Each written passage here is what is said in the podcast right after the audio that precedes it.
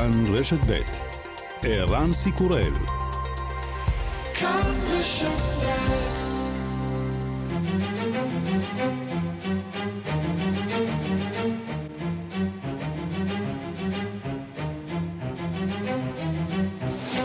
השעה הבינלאומית 13 בספטמבר 2022 והיום בעולם. גורם בכיר בצבא האמריקני מעריך כי הצבא הרוסי ויתר במידה רבה על הישגיו באזור העיר חרקיב שבמזרח אוקראינה. לדבריו, כוחות רבים בצבא הרוסי יצאו מאוקראינה וחצו את הגבול בחזרה אל תוך שטחה של רוסיה. עדות לעוצמת המכה שספגה מוסקבה. נשיא אוקראינה וולודמיר זלנסקי אמר הלילה כי צבאו שב וכבש מתחילת החודש כששת אלפים קילומטרים רבועים שנפלו לידי רוסיה במהלך המלחמה. תושבים רבים לא נותרו בשטח במהלך המלחמה, אך אלה שנותרו, כמו בעיר איזיום למשל, אסירי תודה. Конечно, ребята, мы сегодня у нас на улице, на Муравской мы живем, первые зашли два היום בבוקר כלי רכב אוקראינים באו לרחוב שבו אנחנו חיים, אומרת נדיה, תושבת איזיום. פגשנו אותם עם דמעות בעיניים, חיכינו להם שיבואו. לא דמיינו שהם יבואו באופן כל כך בלתי צפוי. חיכינו להם חצי שנה.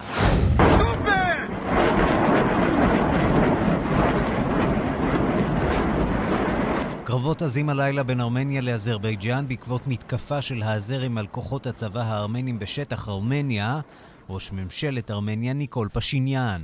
Այս պայդրությամբ պաշտպանության նախարարության կողմից հաստատված 49 զոհ ունենք, բայց Պիտի նաև արձանագրեմ, որ այդ թիվը ցավոք վերջնական չէ, ուզում եմ ընդգծել נכון לעכשיו יש 49 הרוגים בפעולה, כך מאשר משרד הביטחון, אבל אני חייב להודות שלצערי הנתון הזה איננו סופי.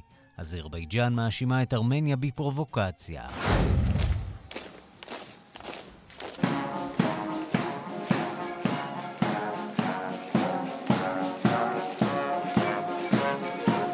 בבריטניה הולכות ונשלמות ההכנות להעברת ארונה של המלכה אליזבת מאדינבורו ללונדון, שם הוא יונח בארבעת הימים הקרובים. רבבות צפויים לעבור על פני הארמון בווסטמיניסטר הול, ובתוך כך המלך צ'ארלס השלישי יבוא היום לבלפאסט שבצפון אירלנד, במסגרת מסעותיו בין ארבע האומות המרכיבות את הממלכה המאוחדת.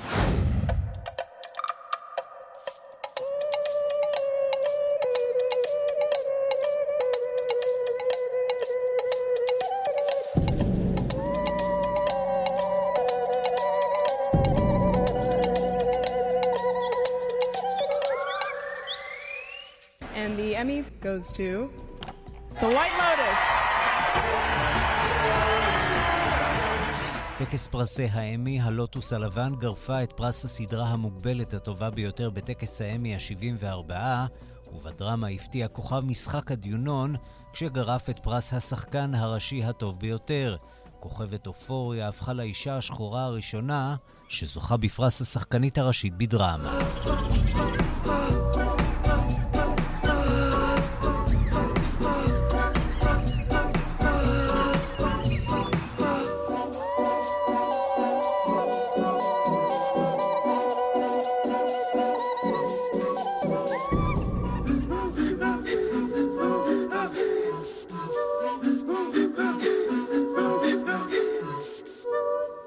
וגם...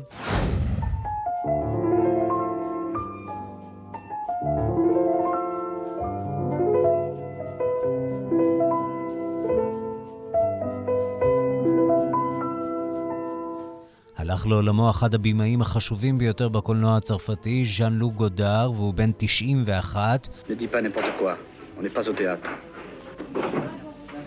Tu ne veux jamais que je te demande. Tu veux toujours que je le fasse et toi jamais. Oui D'ailleurs, j'en ai marre. Je vais mourir. Sans blague Oui, sans blague. N'importe quoi. Ça m'énerve d'être amoureuse de toi. הודר היה ממייסדי הגל החדש בקולנוע הצרפתי, וביים שורה של סרטים פורצי דרך, בהם עד כלות הנשימה, הבוז ופיירו המשוגע.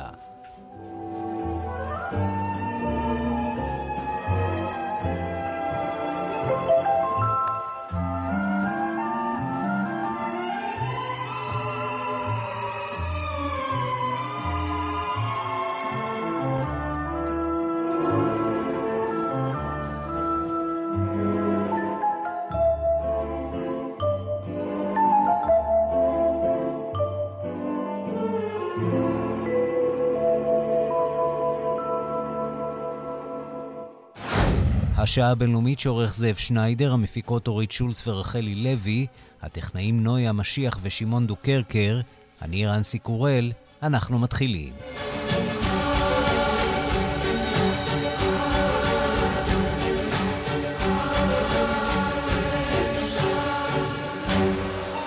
שלום רב לכם, אנחנו פותחים באוקראינה. הצבא האוקראיני ממשיך לטעון להישגים משמעותיים במתקפת הנגד בדרום ומזרח המדינה. הנשיא זלנסקי סיפר כי אלפי קילומטרים רבועים כבר שוחררו. מנגד, רוסיה ממקדת אה, הפצצות בתשתיות אנרגיה ומותירה אה, עשרות אלפים ללא חשמל או חימום. הדיווח של כתבנו במזרח אירופה, ניסן צור. אוקראינה ממשיכה לטעון להישגים צבאיים משמעותיים במתקפת הנגד במזרח ודרום המדינה. הנשיא וולודימיר זלנסקי אמר הלילה כי צבא אוקראינה כבר כבש בחזרה כששת אלפים קילומטרים רבועים של שטח שהיה בשליטת רוסיה בדרום ומזרח אוקראינה. הצבא האוקראיני ממשיך למקד את המתקפה כעת באזור חרקיב בניסיון לכבוש מחדש את כל האזור. רוסיה הגיבה למתקפת הנגד האוקראינית בשיגור טילים שניתקו את אספקת החשמל והמים בעיר חרקיב פעמיים ב-24 השעות האחרונות. באוקראינה מדווחים כי רוסיה שיגרה 18 טילים וביצעה 39 תקיפות אוויריות במהלך הלילה. לפחות ארבעה אזרחים נהרגו ו-11 נוספים נפצעו. הנשיא זלנסקי התייחס להפצצות הרוסיות על תשתיות האנרגיה באוקראינה. Сотні тисяч українців опинились у темряві без електрики. Будинки, лікарні, школи, אתמול והיום הצבא הרוסי פגע בתשתית האנרגיה האוקראינית. מאות ואלפי אוקראינים מצאו את עצמם בחושך ללא חשמל. בתים, בתי חולים, בתי ספר, תשתיות קהילתיות. אתרים שאין להם שום קשר לתשתית הצבאית שלנו. ורמטכ"ל צבא אוקראינה אמר כי מתקפת הנגד והמצב החדש בזירת הלחימה הביאו את מפקדי צבא רוסיה לעצור את שליחתן של יחידות חדשות אל תוך אוקראינה על מנת לתגבר את הצבא הרוסי. הוא גם הוסיף כי חוסר האמון של אזרחי רוסיה בפיקוד העליון של הצבא הרוסי גרם לאלפי מתנדבים שהיו אמורים להצטרף ללחימה לסרב לעשות זאת. בתקשורת האוקראינית מדווחים כי במהלך הנסיגה המבוהלת מאזור חרקיב הותירו כוחות רוסיים מאחוריהם תחמושת רבה. על פי דיווח בקייב אינדיפנדנט, חלק מהחיילים הרוסיים השליכו את כלי הנשק לאדמה במהלך מנוסתם. מעל ל-300 טנקים, מרגמות ומשאיות אספקה של הצבא הרוסי נותרו נטושים לאחר שהחיילים הרוסיים ברחו מהאזור. ובינתיים גובר החשש מפני אסון גרעיני בתחנת הכוח בזפוריז'ה. ראש הסוכנות לאנרגיה אטומית, רפאל גרוסי, חזר שוב על אזהרתו כי העולם נמצא צעד אחד בלבד מאסון גרעיני, והוא קרא שוב לשני הצדדים לעצור את ההפצצות באזור. We cannot continue in a situation when we are one step away from. המצב בלתי נסבל, אנו משחקים באש. אנו לא יכולים להמשיך במצב שבו אנו נמצאים במרחק צעד אחד בלבד מתאונה גרעינית. הבטיחות של תחנת הכוח הגרעינית בזפורישה תלויה על חוט דק, ואנו יכולים לראות שיום אחד אנו מתקנים את רשת החשמל רק על מנת לראות אותה קורסת שוב למחרת, ולתהות מה עוד עומד לקרות. זהו מצב שאנו עדיין נמצאים בעמדה שניתן למנוע. ונשיא רוסיה ולדימיר פוטין הופיע אתמול בטלוויזיה הממלכתית הרוסית ואמר כי רוסיה מחזיקה מעמד מול הסנקציות של המערב. פוטין אמר כי טקטיקת בליצקרייג הכלכלית, ההסתערות שעליה סמכו במדינות המערב, לא עבדה. מוקדם יותר אתמול אמר דובר הקרמלין, דמיטרי פסקוב, כי המבצע הצבאי נמשך והוא יימשך עד להשגת כל היעדים שהוצבו במקור. ובינתיים גם גובר הלחץ על פוטין מתוך רוסיה. בכירים בממשל המקומי מ-18 מחוזות במוסקבה חתמו על הצהרה פומבית הקוראת לפוטין להתפטר מתפקידו. בהצהרה נמסר כי אנו מאמינים שפעולותיו של הנשיא פוטין פוגעות בעתידה של רוסיה ובאזרחיה. ניסן צור, פולין. אנחנו מכאן אה, עוברים אה, לנגורנו קרבאח, למעשה לגבול בין אזרבייג'אן לארמניה. שם אה, תקריות קשות במהלך הלילה בין הצבאות של אזרבייג'אן וארמניה. ראש ממשלת ארמניה ניקול פשיניאן אומר שבמהלך הקרבות נהרגו 49 חיילים ארמנים, ובתיווך הרוסים סוכם היום על הפסקת אש. לא ברור עד כמה הפסקת האש הזאת תחזיק. שלום לכתבנו גלעד שדה. שלום ערן. מי שליווה את המלחמה הקודמת אה, בארמניה, בין ארמניה לאזרבייג'אן, אה, וחווה שם אה, ימים לא פשוטים במלחמה ההיא, והיום זה כבר נראה קרוב מאי פעם לחידוש הלחימה. אכן, אנחנו קודם כל, החודש בעצם הארמנים והאזרים מציינים שנתיים לפרוץ מלחמת נגורנו קרבאח השנייה, ו... זה לא משהו חדש, הקרבות האלה בין הארמנים לאזרים, בעיקר אה, הקרבות האחרונים היו בתוך נגורנו קרבאח, אה, הרבה בעקבות היחלשות אה, צבא רוסיה שאמון על שמירת השלום באזור. מה שקרה היום מדובר בעצם בהפגזות שגם לטענת הארמנים פגעו בערים בתוך ארמניה, בבנייני מגורים, בכפרים, ו... יש באמת אה, הסלמה מאוד חמורה ב- ביחס להסלמות האחרות, 49 הרוגים בצד הארמני, הזרים עדיין לא מדווחים על ההרוגים בצד מי התחיל? זה יהיה נכון להגיד שהזרים הם אלה שהתחילו את הקרב הזה, או שלא בהכרח? אמ, במצב הנוכחי הארמנים לא נמצאים באיזושהי עמדה בה יכולה, יכולים בעצם להתחיל איזושהי מתקפה, הם אה, בעמדת אה, נחיתות מול האזרים. ישנם אה, מגעים להסכם שלום בין ארמניה לאזרבייג'אן, ונראה שאזרבייג'אן בעצם מנסה להפעיל כוח כדי אה, להשפיע על אה, הסכמי השלום. מין אה, אה, התקפות כאלה שהם כל פעם, בכל התקפה כזאת, הם משיגים עוד איזשהו אה, אה, עמדת אה, כוח נגד הארמנים. האזרים כרגע מנסים להתקדם באזור סוניק, אזור שגובל באיראן, ובעצם מחבר בין נגורנו קרבאח. אה, נחית שוואן, שזה חבל ארץ אה, אזרי שמנותק מאזרבייג'אן. ונראה שהאזרים פשוט מנסים כדי להתקדם דרך אה, חבל הארץ הזה ולהשיג באמצעות הקרבות האלה את היכולת לקבל מעבר יבשתי בין, ה... בין חבלי הארץ האלה. אתה יודע, בעודנו משוחחים, אנחנו נזכיר שיש לנו גם שידור אינטרנטי ויזואלי. אה, ואנחנו צופים אה, בתמונות אה, שלך מהמלחמה הקודמת בנגורנו קרבאח, המלחמה הזאת שאלפים רבים קיפחו בה את חייהם, ועכשיו יש חשש גדול שהמלחמה הזאת שוב תצא מכלל שליטה, נכון?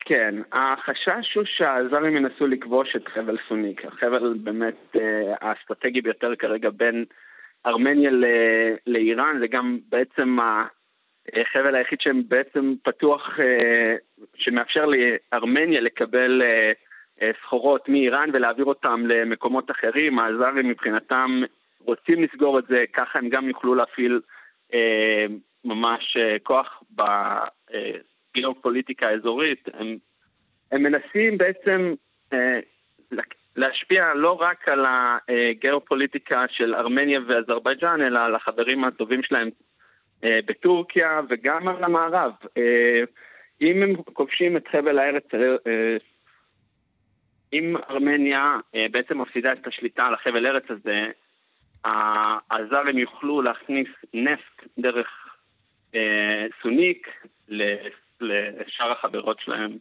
באזור אירופה וגם בישראל. אה, בואו נדבר רגע על אה, מה שאומרים בארמניה. נשמע אולי דברים שאומר ניקול פשיניאן, אה, ראש הממשלה, היום בשעות הצהריים, בנאום מול הפרלמנט.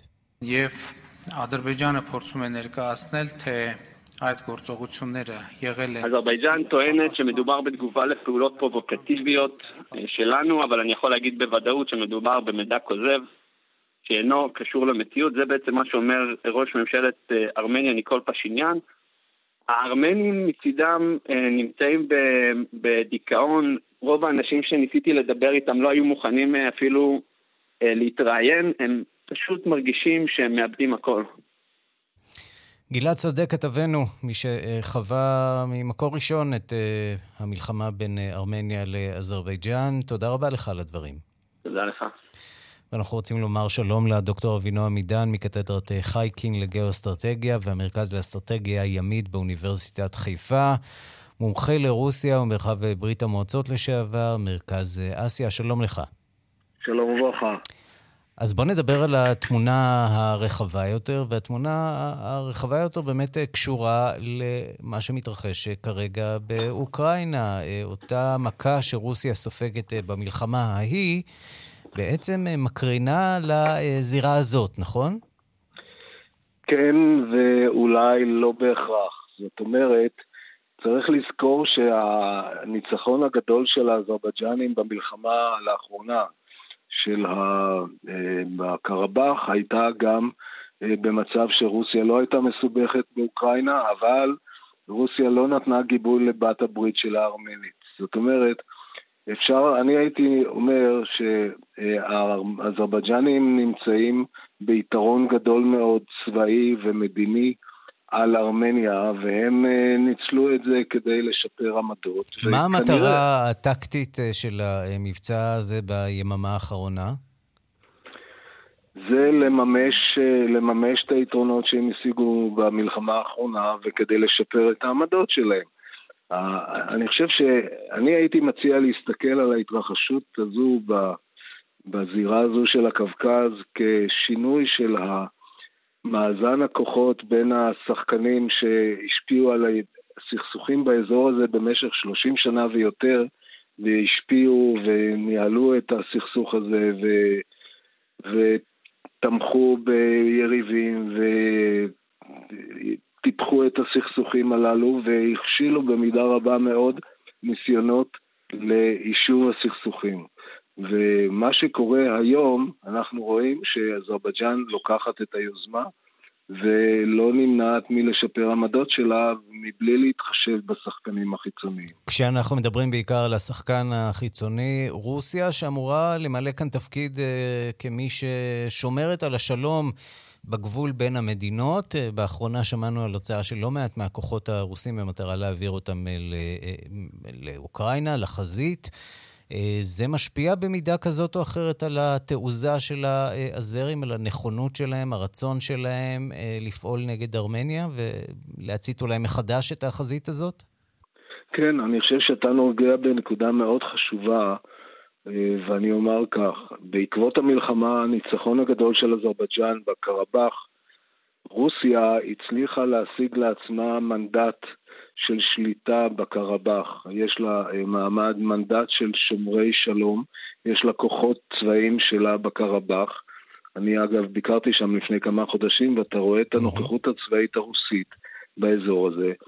וזה לא דבר שהוא נוח ונעים לאזרבייג'נים לקבל נוכחות רוסית בשטח הזה. וייתכן מאוד באמת שהם אה, נהנים מהנחיתות הרוסית כרגע באוקראינה ומנסים לשפר עמדות. אגב, גם בתמיכה של שחקנים לא, לא, לא פשוטים. כלומר, יש תמיכה טורקית מסיבית באזרבייג'אן, תמיכה גדולה, שהיא גם היא לא מנותקת מהמתחים בין טורקיה לבין רוסיה. אה, גם ישראל נמצאת בתוך המעגל הזה. אז זהו, אז הזכרנו פה באמת אה, שתי מעצמות, אולי אפילו שלוש. הזכרנו את אה, רוסיה, דיברנו על, על טורקיה וגם על ישראל. אה, ואני רוצה להוסיף פה עוד מדינה אחת למשוואה הזאת, וזאת אה, איראן. הבוקר, איראן. אחת משיחות הטלפון הראשונות של אה, ניקול פשיניאן, נשיאה של ארמניה, נזכיר מדינה נוצרית, הוא מתקשר בטלפון בהול לאברהים ראיסי, הנשיא של איראן, ומוציא ממנו הצהרה שאומרת כך: אנחנו מתנגדים לשינויים באזור הגבול בין אזרבייג'אן לאיראן. אה, במילים אחרות, יש כאן איזה אה, איום מרומז אה, כזה או אחר לכיוונה של אזרבייג'אן, בעלת בריתנו ובעלת הברית של טורקיה. כן, מה שיכול, צריך לעלות מהשיחה בינינו זה לפחות ההבנה שהאזור הזה מאוד מורכב, הוא מאוד מסובך במערכות יחסים, מערכות כוחות של מעצמות חיצוניות לבין אזרבייג'אן וארמניה ביניהם. והדברים הללו הם דינמיים כל הזמן, והתפקיד של השחקנים הללו, הזכרת את איראן, הזכרת את טורקיה, ישראל לא מנותקת מהדבר הזה. המערכת הזו של הקווקז, דרום הקווקז, היא מאוד מורכבת, היא מאוד דינמית, ועוד אה, קשה מאוד לעשות סיכום לדברים הללו, תלוי מה הרוסים יגידו בעניין הזה. יש פה גם אלמנטים משמעותיים של אנרגיה. משמעות של אנרגיה, אזרבייג'ן היא יצואן גדול של אנרגיה, אה, טורקיה היא מאוד אה, בעלת אינטרסים בעניין הזה. שבאמת יכול להיות שמה שקורה כאן זה ניסיון אה, לפתוח דרך השטח הריבוני כרגע של ארמניה, נתיבי אספקה של אנרגיה לאירופה. אני יכול להניח שהרוסים לא התלהבו מהסיפור הזה. נכון, הרוסים לא התלהבו. יש... ארמניה במשך כל השנים הפסידה את השינויים הגיאו-אסטרטגיים שהיו במרחב הזה ואיבדה את תפקידה הפוטנציאלי כמדינת מעבר מאזור של הים הכספי, ממרכז אסיה. יש, הדברים הם כל הזמן דינמיים, הם כל הזמן משתנים, ובוודאי על רקע המלחמה באוקראינה והמציאות הלא המאתגרת שרוסיה מתמודדת איתה, כשרוסיה הייתה במשך כל השנים היא שיחקה בסכסוכים הללו בקווקז וניצלה אותם לטובתה. כך שאני הייתי אומר שיש עוד דברים שאנחנו, אני מניח אנחנו עוד נראה אותם, והם לא יהיו פשוטים כדי להבין אותם עד הסוף. צריך להיות שם זבוב על הקיר בכל מיני חדרים סגורים כדי להבין באמת מי, מי מתכנן מה, מי יוזם מה, וכך הלאה. לסיום, דוקטור עידן, אנחנו עדים בימים האחרונים למה שנראה כמו, אה, לא אגיד קריסה, אבל בהחלט אה, נסיגה אה, די דרמטית של הרוסים מכמה אזורים אה, באוקראינה.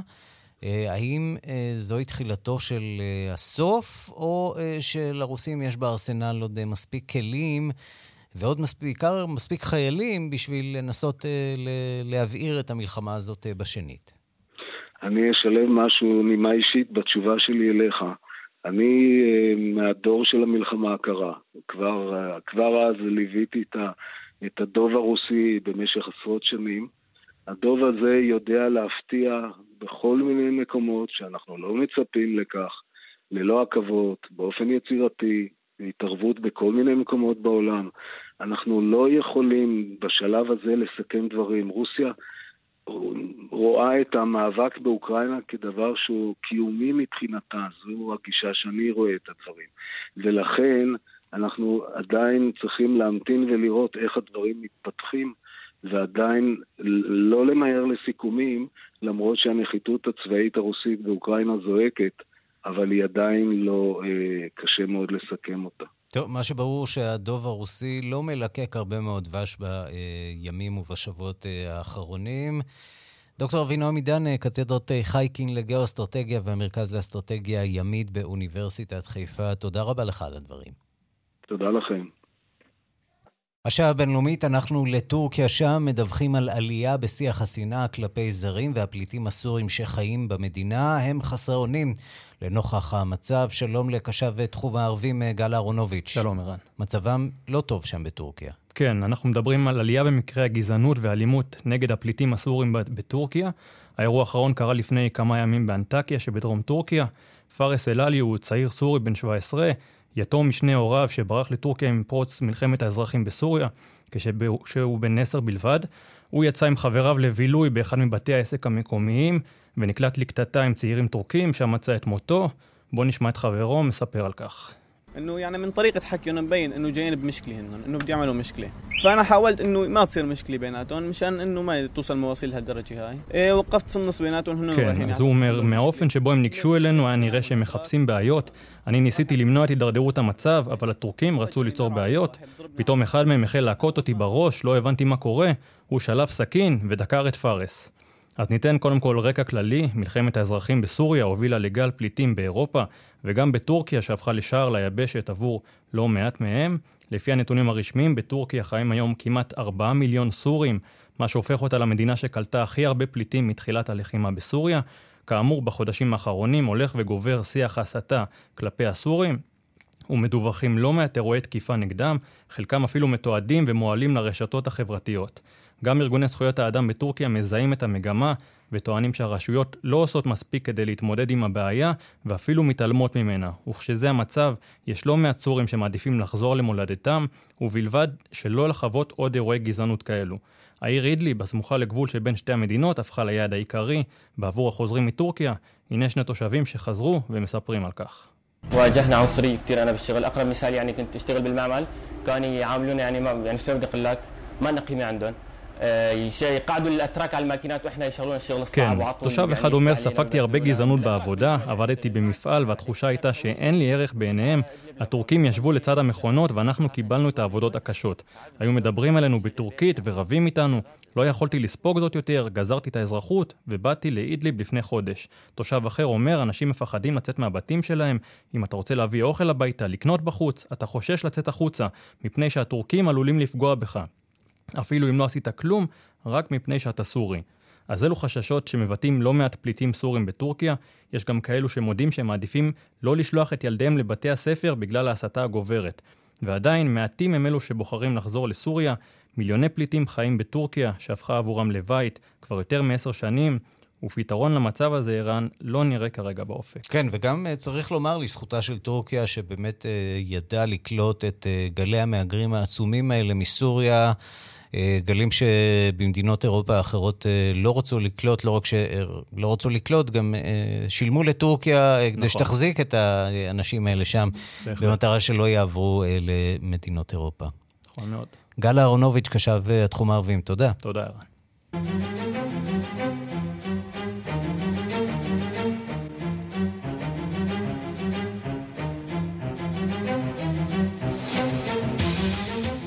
שבועיים אחרי אירועי 125 שנה לקונגרס הציוני, נפתח לסיורים לקהל הרחב המבנה המשופץ, אה, מבנה הקונגרס. מירי קרימולובסקי, חוקרת התרבות, ביקרה בבאזל והרגישה את משק כנפי ההיסטוריה במבנה ששיפצו אדריכלי העל, הרצוג ודמרון. שלום, מירי.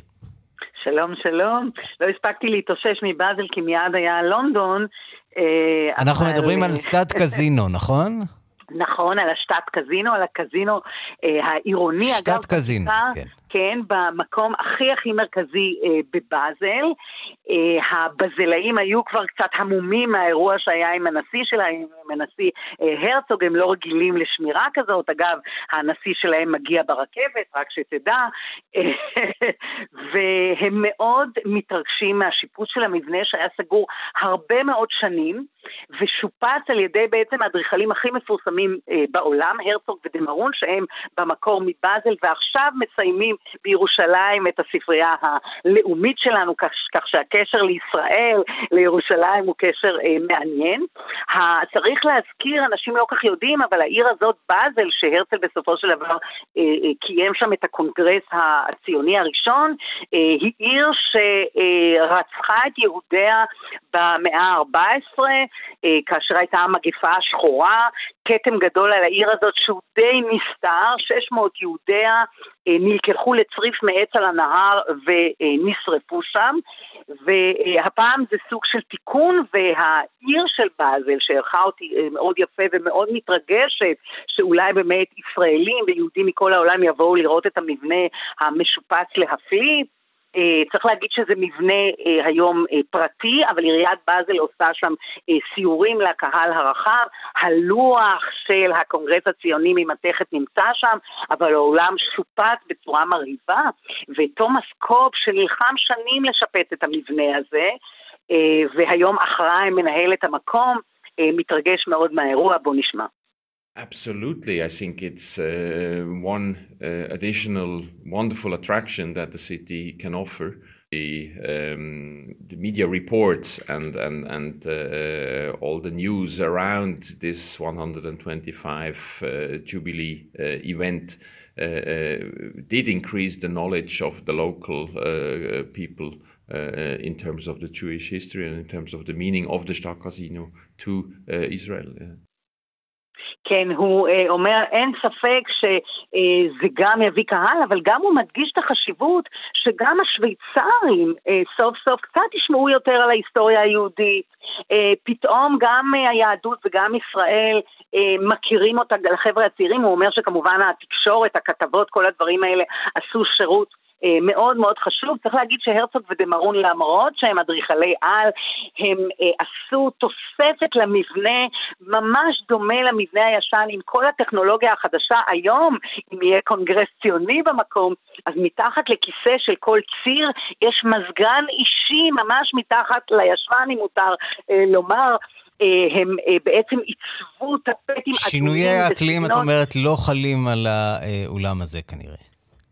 לא, להפך, עכשיו יש אה, מזגן אישי לכל כיסא כזה, זה שונה לגמרי ממה שהיה פעם, וצריך להגיד שהיום בשוויץ, אה, אתה היית, אתה יודע, מאוד חם. מזגנים ושוויץ, כן, זה לא ממש... הקונגרס היה באוגוסט, אני מניחה שהצירים היה להם חם מאוד, אבל היום כאמור יש מערכת אה, חדשה אה, לחלוטין, והמבנה הזה בפנים הוא כולו בצבע אדום, מרשים מאוד, הושקעו פה מיליונים לשפץ את המבנה, שיהיה עכשיו אולם קונגרס. קונגרסים, אבל כאמור גם יערך אה, קבוצות אה, בבוקר לסיורים, סיורים אה, מרהיבים של המבנה שיש לנו כמובן קשר מאוד מאוד חזק אליו. אבל גם נהיה בעצם פנינה אדריכלית אה, בלתי אה, רגילה. שיפוץ המבנה של השטאט קזינו, מבנה הקונגרס מבחינתנו. מירי קרימלובסקי, תודה. תודה לך, ערן. השעה הבינלאומית ועכשיו אה, פרידה מז'אן לוק גודר, מחשובי במאי אה, הקולנוע במחצית השנייה של המאה ה-20, ממייסדי הגל החדש, ואחד היוצרים המשפיעים בתולדות הקולנוע, הוא מת בגיל 91 בשוויץ, שם התגורר רוב שנותיו. כתבנו גדעון קוץ מספר על האיש הנערץ, אבל לא בהכרח אהוב, ועל פועלו.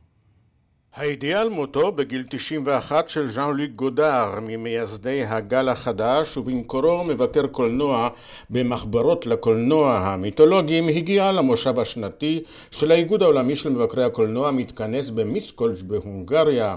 הייתה אומנם התרגשות מסוימת והוצעה אפילו דקה דומיה, אבל כללית היחס היה כמו לאנדרטה מן העבר, שמציינת אומנם אירוע חיוני בתולדות הקולנוע, שעבר מאז תהפוכות רבות. רבות.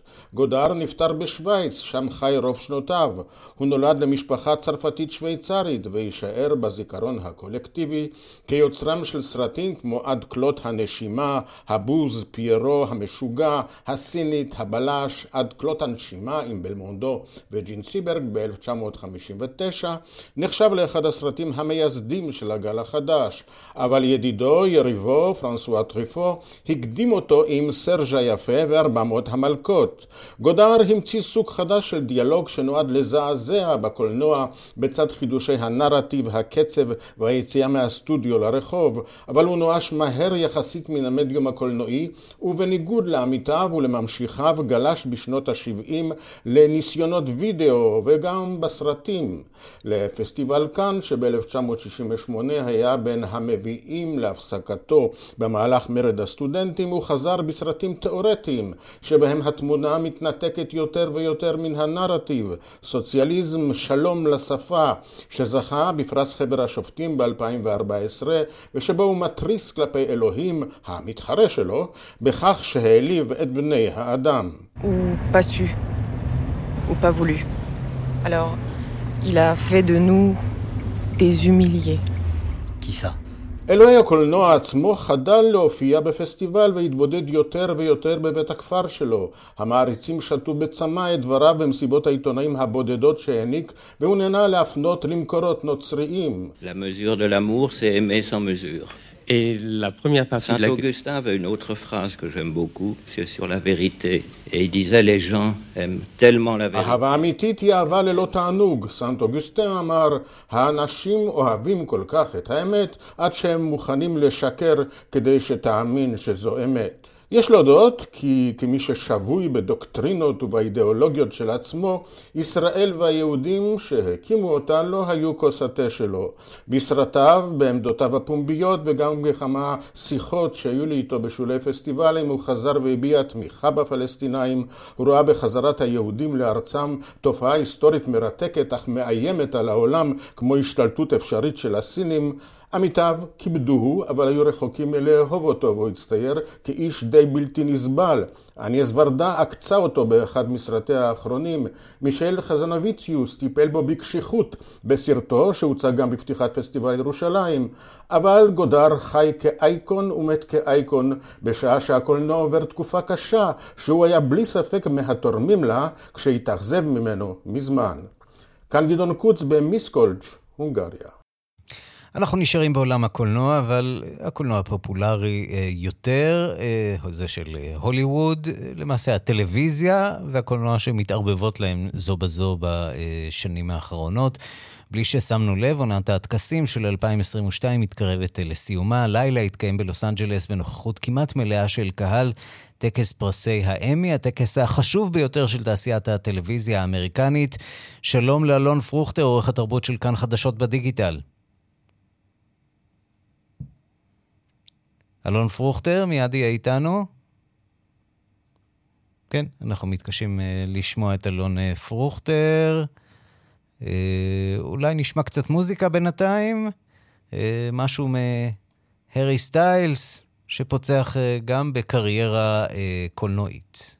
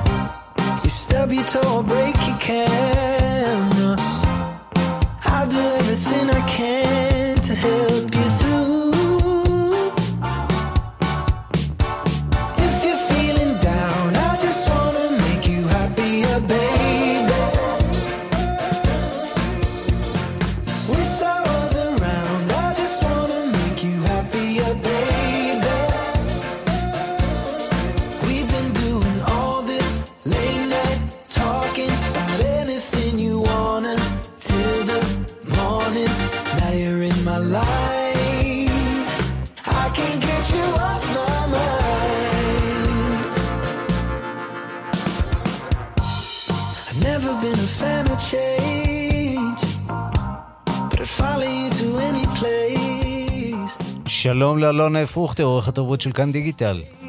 ערן, שלום. אתה יודע מה, בוא נתחיל עם הארי סטיילס שפוצח בקריירה אה, קולנועית. כמה זה מצליח לו, לזמר הכל כך אה, מוכשר והמצליח הזה? אז כנראה שלא כל כך. בכל זאת זה שני תפקידים ראשונים שיוצאים עכשיו במקביל. הראשון יצא בשבוע שעבר, אל תדאגי יקירתי, הוקרן הראשונה בפסטיבל ונציה וקיבל ביקורות מעורבות, גם הצטרפה אליו כל עניין היחסי ציבור של המערכת היחסים שהוא פצח בה עם הבמאית שלו, אוליביה ויילד. המבקרים ממש לא התלהבו. ביום ראשון הוקרן גם בפסטיבל טורונטו סרט נוסף שנקרא מי פוליסמן, שם הוא אה, נמצא בעצם במערכת יחסים הומוסקסואלית, תוך כדי שהוא נשוי לשחקנית שגילמה את דיאנה עכשיו בכתר. גם שם הביקורות לא כל כך מתלהבות, ובעצם רומזים לו עדיף שבינתיים תתמקד בקריירת השירה שלך. טוב, זה מה יש, עם זה הוא בטוח עדיין ינצח, הוא מכאן אפשר רק לעלות. מצעדי הפזמונים. בואו נעבור מכאן לטקס הגדול, האמי, שהתרחש אתמול. יש כמה זוכים מרכזיים, נכון? נכון מאוד, בלי יותר מדי עיכובים, נפתח עם ההכרזה על הקטגוריה האחרונה והחשובה ביותר בטקס אה, לפרס לסדרת הדרמה הטובה ביותר, כפי שסלמה בלר הכריזה עליו. And the Emmy goes to. This is amazing. Succession. היורשים, הסדרה אה, צינית מאוד, האמריקאית מאוד של אה, HBO, על אה, בעצם משפחת אה, יורשים אה, בתחום הטלוויזיה.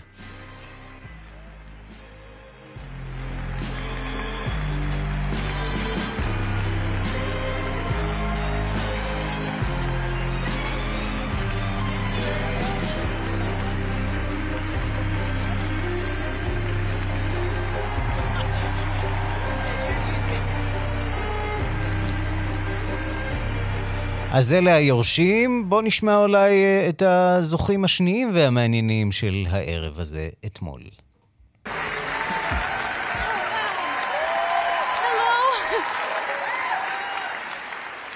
This means so much. Thank you. Thank you so much. Wow. Um, to all the incredible actresses in this category, I'm so honored to be beside you. Thank you to the incredible, incredible cast and crew of Euphoria. Thank you for making such a safe space to make this, this very difficult... אלון פרוכטר, את מי אנחנו שומעים? אנחנו שומעים כאן בעצם את זנדאיה, היא זכתה בפרס לשחקנית הראשית בסדרת דרמה הטובה ביותר, באופוריה. מה שבעצם היא אומרת כאן, היא אומרת, היא גילמה שם בסדרה אופוריה את רות, תלמידת תיכון שמתמודדת עם התמכרות לסמים. היא אומרת, יש לזה המון משמעות עבורי, אני מודה לשחקניות המדהימות מולן התמודדתי בקטגוריה. אני רוצה להודות גם למי שחלקו איתי את הסיפור שלהם. כל מי שאהב את רו מזדהה איתה, אני נושאת את הסיפור שלכם איתי, אז תודה רבה. כך זנדאיה, אגב, בין מפיקי הסדרה הזאת, אופוריה, נמנים שני ברנשים ישראלים שאנחנו די מכירים פה בברנז'ה, רון לשם, היוצר של הסדרה המקורית, אופוריה ששודרה בכבלים, והדס מוזס ליכטנשטיין, שבעצם חתומה על המכירה של העסקה הזאת, מהכבלים ל-HBO, אי אז לפני קרוב לעשור. ולא רק בתחום הדרמה חולקו פרסים, גם בתחום הקומדיה. טד לסו זכתה בשלושה פרסים, בראשם לפרס הסדרה הקומית הטובה ביותר, סדרה של אפל TV. גם השחקן הראשי, ג'ייסון סודייקיס, ושחקן המשנה, ברט גולדסטין, זכו בפרסים.